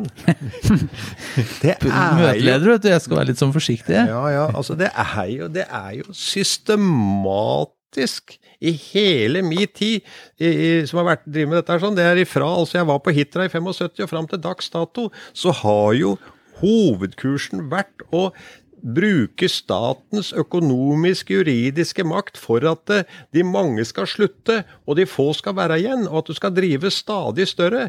Det er jo, det er jo et krav til arbeidsproduktivitet som er i, i størrelsesorden oppimot 5% per år. Det betyr altså at du skal produsere 5% større volum per arbeidstime hvert år. Det betyr at i løpet av 14 år så skal du doble produksjonen din per time, og du får jo ikke til det der uten å bruke en masse innkjøpte innsatsfaktorer, for å bruke Sigmund Borgan sin, eh, sitt språk. Og, og du, det, er jo, det er jo de som da er mest progressive, det er jo de som har et produksjonsomfang som er mest i utakt med det arealet som du har til disposisjon, enten som du eier eller som du bruker. Tenk om den grønne sida her som kunne være enige om det at vi skulle tufte et jordbruk på at du hadde et produksjonsvolum som sto i forhold til det arealet som det da er en fotosyntese på, og hvor du da har en, en begrensa bruk av tilførte næringsstoffer som gjør at det, altså den avrenninga da, enten det er nitrogen, fosfor eller kalium, blir minst mulig. Dette her er jo faget som noen av oss er opplært i, og nå er det jo nesten ingen i Norge som blir opplært i de faga der sånn. Gjett Tror du jeg er forbanna? Tror du jeg er forbanna når at det nesten ikke er utdanning verken på, på, på fagskolenivå eller på ekspertnivå? Når vi nå har f.eks. Det er lagd én stor forskningsinstitusjon i Norge som heter NIBIO. Norsk institutt for bioøkonomisk forskning. Og den som er sjef der nå, Nils Vakstad, han sier til meg Per, nå har jeg trøbbel med å få fått ansatt folk som kjenner norske forhold. Det blir nesten ikke utdanna eksperter i de ulike biologiske faga her sånn. Og tilsvarende så kan du dra på Universitetet i Oslo og spørre nå i hvilken grad blir det utdanna folk som lærer biologi, som lærer åssen plantene formerer seg, f.eks. De basisfaga som er helt nødvendige for at du skal drive naturtypekartlegging. Gjett om vi trenger den, det du kaller transformasjon. Jeg blir jo mer orientert i retning av halvveis revolusjonær, for at eh, dette her går for sakte i å få til den, den endringa. Ja. Jeg bare slutter meg til alt som ble sagt her. jeg, eh, jeg, ja. Det er, det er jo det er jo artig at vi tenker så likt. Jeg, jeg visste jo at vi, vi var nærmere hverandre enn enn mange andre på tvers av de to partiene vi representerer. Og tenk på dette her, er, dette er altså så, det er altså så politisk styrt. Ja. Og hvert eneste jordbruksoppgjør så blir det styrt i retning av at uh, produksjonsvolumet ditt skal være mer og mer i utakt med det du har av arealer. Men hvorfor er det sånn, da? Altså, Hvorfor det er Ja, det skal jeg fortelle deg. Ja, fortell det. Ja. Det er fordi at det som styrer, det er de som mener at du skal ha billigst mulig mat. Og billigst mulig mat, det får du når du bruker mest mulig arbeidskraft som er underbetalt fra utlandet. Når du bruker mest mulig eh, landarealer fra langt vekk i stand, hvor de har lønns- og arbeidsvilkår eller, eller monokulturer eh, sånn og sånn, eller du har et stort innslag av subsidiert norsk kapital. Altså det å produsere mat, eller hva det er for noe, det er tre, det er tre ting. Det er arbeidskraft, kapital og naturressurser. Og alle de tinga innafor jordbruket er så styrt for å produsere det billigst mulig. For at det er jo målet, skulle en jo tro noen ganger, at maten skal være gratis. Og du så jo nå siste, siste jordbruksoppgjøret, det, du har vel fått med deg det? Det, det, det såkalte konservative partiet Høyre.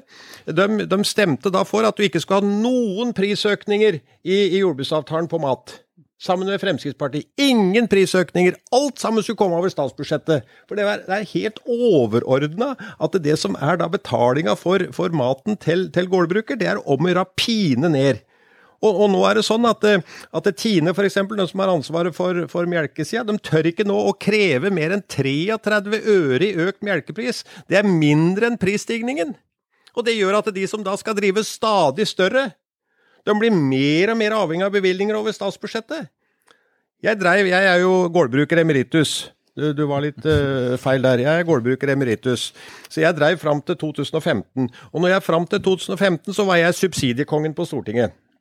Jf. Hegnar. 600 000 fikk jeg da i bevilgninger over, over statsbudsjettet. Eh, Svigerdattera mi og sønnen min nå, som driver omtrent på samme måten, de får nå ca. 1,1 million. Og det, det, går bare, Bevilgninger over statsbudsjettet går bare rett i taket nå. Markedsprisene følger ikke med, fordi det er overordna at det skal være billig, billig, billig. Istedenfor at det som skulle vært overordna etter vår filosofi, det er kvalitet. Mm. Hm. Nei, jeg... Men nå må du slippe salen til, for nå sitter det flere her og verker. Jeg satt og så på TV for første gang her en dag og fikk opp en sånn reklame for en kjede jeg ikke skal henge ut med navn, men jeg merker at jo mer og mer jeg tenker over det, jo sintere blir jeg når jeg ser disse her om at øh, vi holder prisene lave og vi Jo, men dem som holder prisene lave, vi vinner, vi gir oss aldri på pris. Er det ikke en som sier det òg? Mm, det kan hende. Altså, Norgesgruppen. Jeg kan si dere det. Hadde det ikke vært for Norgesgruppen, så hadde ikke Knut Langeteig her fra Drammen og jeg greid å vinne i kampen mot narasin i kyllingmaten. Narasin, hva er det for noe? Jo, det er et antibiotikum som fram til 2014 var Det er lovlig fortsatt, men da var det vanlig å putte det inn i maten til kyllingen, sånn at uh, kyllingen skulle vokse fortere, og du kunne kjøre alt sammen enda hardere ved at du, du drepte en del bakterier. Den som gjorde da at vi greide å bli kvitt narasin i norsk kylling, det var Norgesgruppen, som skjønte det, at de hadde så stort samfunnsansvar at hvis de greide her å var på forbrukerens side, for da var det mange avisoppslag som viste at det var problematisk med antibiotikaresistens, så vi greide i et samspill med Norgesgruppen å få vekk narasinet. Vi greide ikke å få det til med politisk ledelse i departementet. Vi greide ikke å få det til med flertall på Stortinget. Vi greide ikke å få det til med Animalia eller med eh, Bonde- og småbrukerlaget eller Bondelaget eller, eller, Nortura. Men kjedene gjorde det.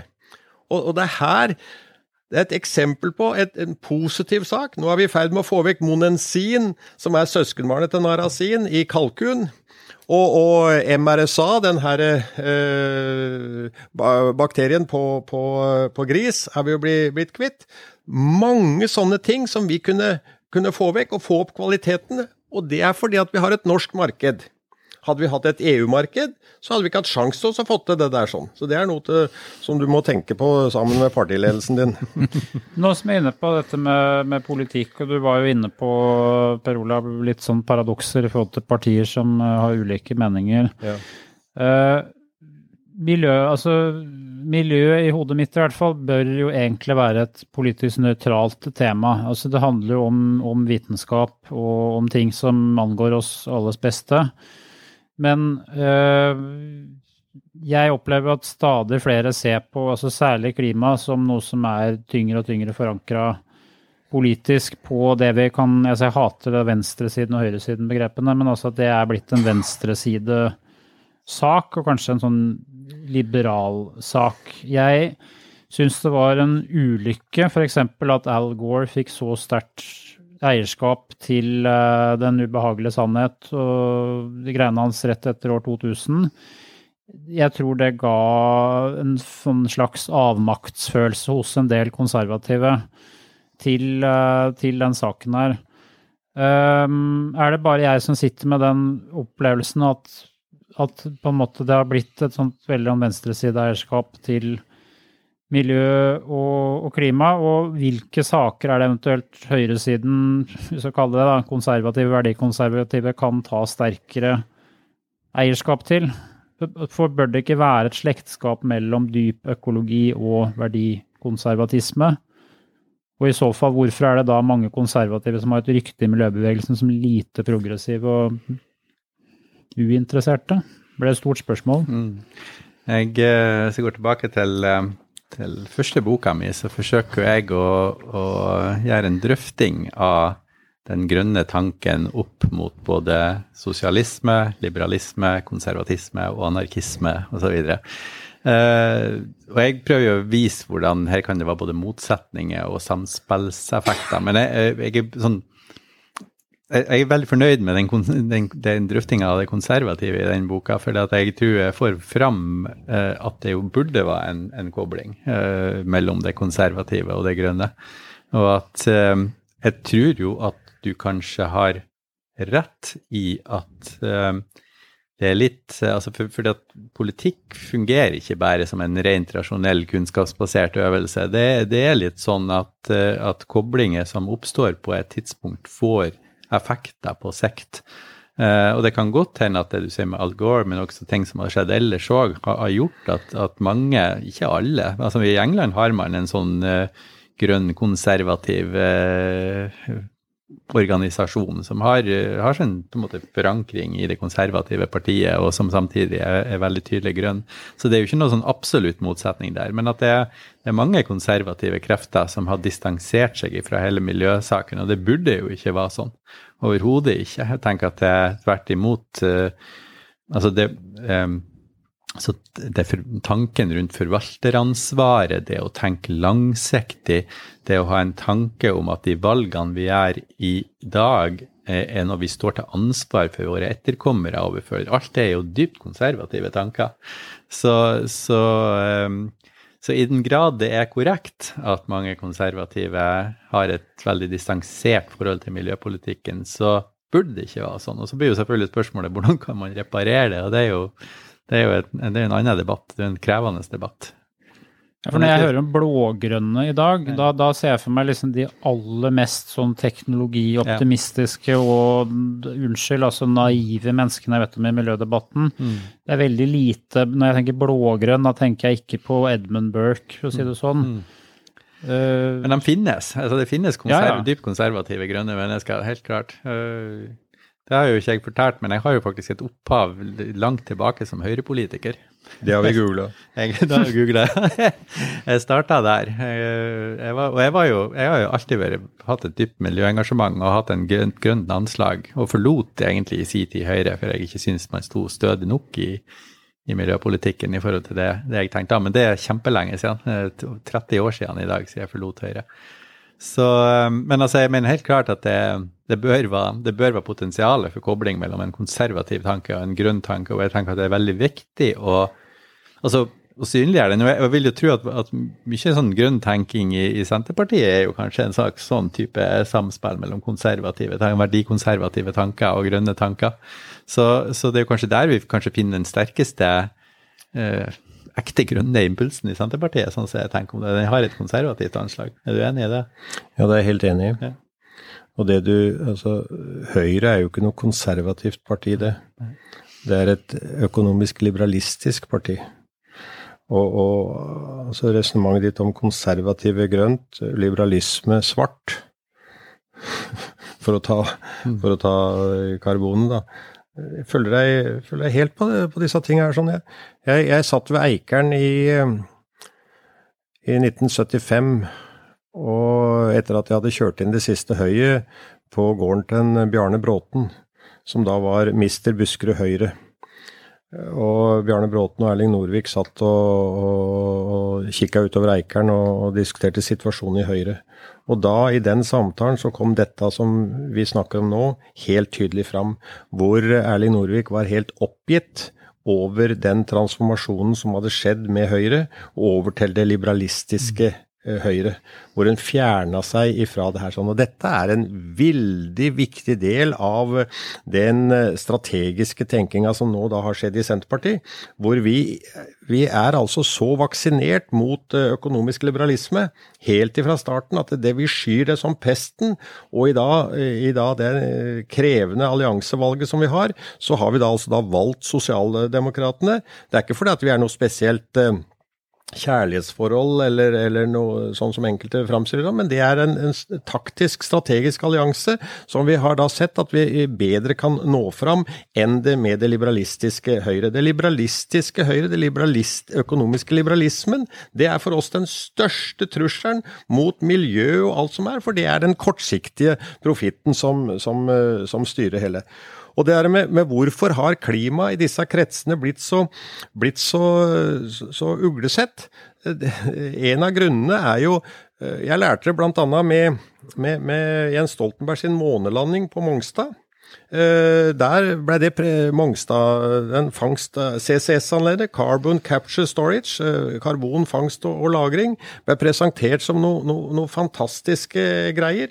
Og det, det, det, var det noen av oss som etter hvert skjønte at det, det var jo bare et luftslott. Det ville ikke fungere i, i praksis. Og de fleste beslutningstakerne på Stortinget var jo ikke klar over den gangen hva som var råstoffet inn i den, i den, fabrikken, og hva som var produktet. Råstoffet var jo eksos, og produktet var altså, var altså CO, CO2. Og, og det, det de, de, fleste konservative er enige om at eksos er negativt. Eksos er negativt, men CO2 det må du nyansere mye mer. Altså CO2 som kommer som et resultat av eksos, det er, det er negativt. Men det at ei plante råtner råtner ute i skauen og dermed avgir like mye CO2 som den planta i sin tid fanga, det er ikke et problem. Det er en del av det, del av det, det, det økologiske eh, runddansen her, sånn. Men det er jo en, fors, en, en framgang for Norge hvis at vi altså som mennesker og, og, land og folk kan leve mer av da det, det karbonet som er i i, i hogstavfall eller, eller, i planter eller alt det der sånn. For det er det, er det, det, det evigvarende kretsløpet. Og det er jo nesten ikke diskusjon omkring det der sånn nå, fordi at det er så veldig få som har utdanning og som har erfaring fra disse tinga. Og det gjør at det stadig flere og flere i, i Senterpartiets rekker eh, blir oppgitt over eh, diskusjonen rundt det grønne skiftet i dag. Nesten så jeg ikke tør å åpne den siste døra her, men den handler også om utdanning og kompetanse. For Der har det jo allerede kommet noen, eh, noen, noen sterke meninger. Men, men, eh, altså også Det er jo òg nasjonalt styrt. Hva slags kompetanse som barn i grunnskolen, eh, videregående skal få, hva slags type studier vi skal ha tilgjengelig osv. Før vi begynte her i dag, så så tok uh, Per og, og grilla meg og Herman litt på hvor god kunnskap vi egentlig hadde om fotosyntesen og, mm. sånn. Og vi skåret ikke så veldig høyt egentlig på den, på den uh, testen. Og jeg tenker kanskje vi er, vi er vel uh, representative, vil jeg tro. Eh, hvordan har dette skjedd? Altså, hvordan har det før? For hvis jeg forstår deg riktig, eh, Per, så var det jo sånn at når du vokste opp, så fikk du jo da så helt åpenbart en helt annen kompetanse på dette her. Også, sett, også de som ikke tok Canda Grieg på, på, i Ås. Hva har skjedd? Ja, det er et eh, For meg så er det jo helt uvirkelig. Altså, det er jo gått sånn at eh, mitt institutt på, på Norges landbrukshøgskole, som heter Institutt for eh, økonomi og driftslære, der står det nå Handelshøyskolen øh, over døra. Eh, De utdanner folk akkurat, etter akkurat samme prinsipper som på Handelshøyskolen. Og, og Handelshøyskolen i sin tid ble jo jeg invitert til å holde foredrag over temaet 'Trenger vi bønder i Norge?' Og da tok jeg også skifta tittel, og så, og så snakka jeg over temaet 'Trenger vi Handelshøyskolen i Norge?' og tok en nytte kostvurdering av det og sa at den trenger vi ikke. Og den ble jo så sinna at jeg har jo aldri sett maken til professorer. Men altså, det har skjedd en Det har skjedd en Hva skal en si? En, et en kulturrevolusjon i forhold til, i forhold til kunnskap og respekt og, og, på alle måter aktivitet knytta til, til, primærnæringene. Det, det, har altså, det har altså blitt så tona ned at du, du, trenger ikke fagfolk på det området der. sånn. Du, du, dette er en del av globaliseringa, og du trenger det. Veldig mye av utdanninga er jo nå relatert til å, og, og komme opp med vitenskapelige artikler eh, på, på engelsk knytta til forhold langt vekk i stand. Jeg er for at skal, norske forskere skal, skal publisere i, i vitenskapelige artikler, må gjerne publisere også på engelsk, men du burde jo først og fremst publisere ut ifra det som er ens nærområde, eh, og, og, og ta da kunnskapen om Norge og, og, norsk biologi, for å ta det som eksempel, ut i verden, sånn at eh, verden kunne da bli kjent med de, de biologiske sammenhengene i Norge. Men nå er det nesten ingen som utdanner seg til det. sånn. Altså, Jeg har fått noen erkjennelser på, på universitetsnivå om, om eh, de faglige forutsetningene for de som er naturtypekartleggere, som er altså så, som er altså så springende og så svake. Og på, på, mitt eget fag så er det som sagt eh, så få som nå blir utdanna, at, eh, at, den gangen Norges landbrukshøgskole hadde 600 studenter, så blei de jo utdanna i, i titalls innafor de fagene som, som jeg nå snakker om. Nå er det 6000 studenter på det som heter nå Universitetet for miljø- og biovitenskap. Og det er, det er altså innafor skaubruk så er det kanskje eh, et stand mellom 10 og 20 stykker som blir utdanna hvert år, og, og 30 av hele Norges areal er skau.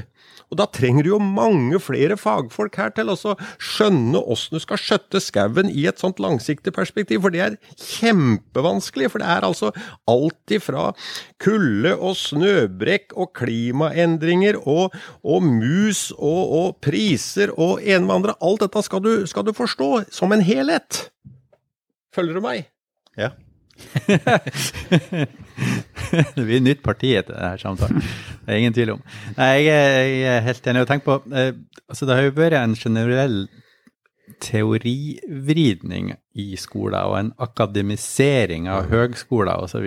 som jeg mener er et feilspor. Altså Jeg sjøl er en teoretisk anlagt akademiker, men, men, det betyr ikke at jeg dermed syns at det er noe klokt i veivalgene som er gjort altfor lite praksis i skolen, altfor like naturnærhet i skolen. Altså man skal sitte og lære teoretiske ting istedenfor å, å lære med både kropp og hode og føle seg en helhetlig elev i møte med verden, så skal man eh, jobbe med teori eh, primært og altfor mye. Og man ser det på høgskolen. Høgskolen, altså Uansett hva slags type profesjonsutdanning man tar, så skal den akademiseres. Og det, det skal utdannes i retning av at man skal bli gode publiserere, som du sier, i britiske engelskspråklige tidsskrift. Men, men, eh, men, skal man være en profesjonsutøver, så må man jo først og fremst være en person som kan være praktisk til stede i den verden man er i. Så, så jeg mener at det, det har vært en, eh, en hårreisende feil utvikling på, på, hele sporet, fra barneskoler, ungdomsskoler, videregående og opp på, på høgskolenivået, som, som bør reverseres, tenker jeg. Eh, fordi at altså, det er klart at hvis man får en mer praksis, praksisretta skoleverden, så, så, vil man sannsynligvis få elever som får inn det her helt grunnleggende i større grad enn man gjør i dag, som så kan tas videre opp når man blir voksen og eventuelt skal bli forskere eller jobbe i et eller annet sammenheng. Så, så jeg tenker at det på et helt grunnleggende vis så har vi gjort noen feilvalg som, eh, som eh, heldigvis flere og flere kanskje innser at vi har tatt noen feilvalg, og at vi må begynne å reversere. Men, men det at flere innser det, betyr jo ikke at det blir gjort. Så det, må, det her må vi få litt politisk trøkk på, en reversering av den utviklinga som har vært over 20-30 år. Tankene mine går til Katrine Krøger, litteraturanmelder i Dagbladet, som skulle prøve å ta en sykepleierutdanning i voksen alder, og oppdaget at hun kunne få en bachelor uten å sette et sprøytestikk, Mm. men skrive veldig mye kvasi-akademisk i tre år. Nettopp. Nettopp. Ja, og det er som du sier, altså det er, Stortinget har til de grader et ansvar som en da ikke tar. Og det er, det er en egen kultur som, som, som går etter, dessverre fra mitt syn, fra det mindre og mindre konkrete og mer og mer abstrakte. Og, og jeg har altså seks år i, i Stortingets kontroll- og konstitusjonskomité. Og, og hva er det vi driver med der? Jo, blant annet så, så skal vi påse at eh, regjeringsmedlemmer og regjeringer følger opp det som er Stortingets vilje. Og så gikk vi inn i sak etter sak. Og så lærte jeg jo etter hvert at eh, Stortingets vilje var skrevet på en så abstrakt måte. Sånn at det ved en kontroll om regjeringa da fulgte opp Stortingets vilje, så nådde vi aldri fram. For at Stortingets vilje betydde det at vi skulle gå den veien, eller betydde at vi skulle gå den veien. Ved nærmere ettersyn så kunne ikke vi si at det, det var rett og det var feil. For det har utvikla seg en kultur som går ut på at en skal verken snakke sant eller ljuge i samme setningen. Det, det, det er, det, det er eh, presise, upresise setninger. Og det, dette her har blitt til de grader en, en, en, en akademisert, abstrakt kultur. Og, og, dette her er det flere og flere nå øh, blant folk flest som reagerer på, for de kjenner seg ikke igjen i det. Og det blir en større og større avstand mellom de som de som styrer, og, og, og, de, og de som, som, blir styrt. Og dette her er et kjempe, kjempeproblem som, som vi kunne ta en diskusjon om en, en annen gang. Men, men altså det, det, konkrete få at det, det, her er en spade, det er ikke et graveredskap. Tror det var du en gang, Anders, som sa at du, kona di kjente deg mente at du begynte å snakke på en annen måte fra første gang du var på et politisk møte og kom hjem etterpå.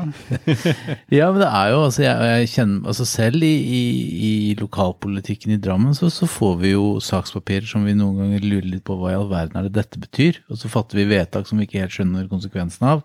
For det er ganske vanskelig å henge med. Men jeg tenker jo en, en annen parallell til dette med, eller en annen konsekvens da, av, av den økte akademiseringen, den større avstanden fra det praksisnære, det naturlige, tror jeg også er livsstilssykdommer, utenforskap, psykisk uhelse osv. At de, disse tingene også henger sammen. For man, den terskelen for å henge med i skolen er blitt så høy. Eh, og det har blitt så vanskelig, og det er så vanskelig å forstå hva som skjer, at, at utenforskap kommer ganske fort, altså. Og du kommer da inn i, i storting og i kommunestyrer og i fylkesting rundt omkring og, og, og, og, kjenner at dette har jeg egentlig ikke kompetanse til. Jeg sitter her med mastergraden min, men jeg skjønner faktisk ikke helt hva som skjer. Jeg skjønner ikke helt konsekvensen av de beslutningene jeg fatter. Så det er jo, altså, dette er jo et, et, problem på mange nivåer, tenker jeg. Ikke bare i forhold til, til, det, vi, til det vi snakker om her. Per Olav? Ja, altså Jeg har ei historie fra, fra Ytong, som lagde bygningselementer i, i Hokksund. Og den fabrikken den skifta veldig mange eiere de siste 20-30 åra hvor den besto. Og så kom jeg til å stille det dumme spørsmålet til noen av de gamle hedersfolka som er ansatt der, at åssen i all verden får dere dette til å gå rundt når det blir så mye skifte eiere? Og så svarte en av dem at du, du Lundteigen, du skjønner ingenting, du. Du skjønner ingenting.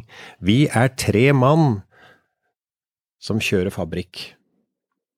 Vi er tre mann som kan fabrikken, og vi kjører fabrikk uansett hvem som er, er, er ledere. Altså, det var den, den praktikeren som, som var i, i, sentrum. Og jeg sitter nå, nå har jeg sittet i ti år i, i Stortingets arbeid- og sosialkomité. Vi har ansvaret for arbeidslivet. Og, arbeidslivet har jo fra uh, tidlig på 90-tallet fram til i dag endra seg noe så dramatisk. Og det Så vi snakka om utdanninga Altså Reform 94 Jeg er, mener det er en god hypotese at Reform 94 kom med den teoretiseringa fordi at noen så det at når vi fikk en ukontrollert arbeidsinnvandring fra land som hadde veldig lave lønninger, lave sosiale ytelser, så vil vi få et tilfang av spreke ungdommer inn i Norge som ville gjøre jobben til mye av de praktiske yrkene på en billig måte, og ville utkonkurrere da de norske ungdommene. Og da var det viktig da å heise de norske ungdommene etter håret og prøve å få dem opp i noen ledende stillinger, for det var der det var, hva skal en si, eh, inntekter i forhold til det høye kostnadsnivået, og så fikk det nå bli mer eller mindre eh, det det blei i forhold til dem som var murere og malere og snekkere og, og, og, og gartnere og, fiskefagarbeidere og, sånn og sånn. Sånn at det, arbeidslivet har jo Eh, blitt radikalt endra som følge av at arbeidsmarkedet er ikke lenger noe nordisk arbeidsmarked som vi hadde fra 54 og, og, og framover til 94, men vi har fått et, et EØS-arbeidsmarked med de konsekvensene det har for utdanningssystemet. Sånn forklarer jeg en del av dette. Men gutt R, vi har eh, nærma oss vår tilmålte tid der og må gå inn for landing. Dessverre, vi kunne ha sittet her til morgen, tror jeg, og prata om det her. Jeg har ett spørsmål igjen til dere. Uh, nå sitter vi jo her folk fra Venstre og Miljøpartiet De Grønne og Senterpartiet og en fellesliste, en grønn fellesliste, og har hatt en nokså produktiv og harmonisk samtale, vil jeg si. Hvor jeg i hvert fall jeg har lært et par nye ting. Uh, spørsmålet er jo hvordan kan vi lage bedre samarbeid mellom alle som brenner for de hva skal vi si, ekte grønne verdiene her i Norge? Da tenker jeg ikke bare på i politikken på tvers av partiene våre, men også i organisasjonslivet og i næringslivet, og ikke minst ute blant folk flest. Hvordan skal vi få til det her? Altså Åpenbart ved å sitte og møtes og prate sammen sånn som det her, er jo smart. Men det blir, blir, en lang vei hvis vi skal få alle Norges forsamling, eh, folk inn i en sånn forsamling som det her og prate sammen. Tanker om det her til slutt? Du åpner, Svein. Et uh, komplekst spørsmål, selvfølgelig. Men jeg, jeg tenker at um, jeg, jeg, jeg, tror jo, jeg, tror jo, ikke det finnes noen punkter man ender opp med at man er helt enig om alt her i verden. Uh, så, så steg, nei, det håper jeg ikke.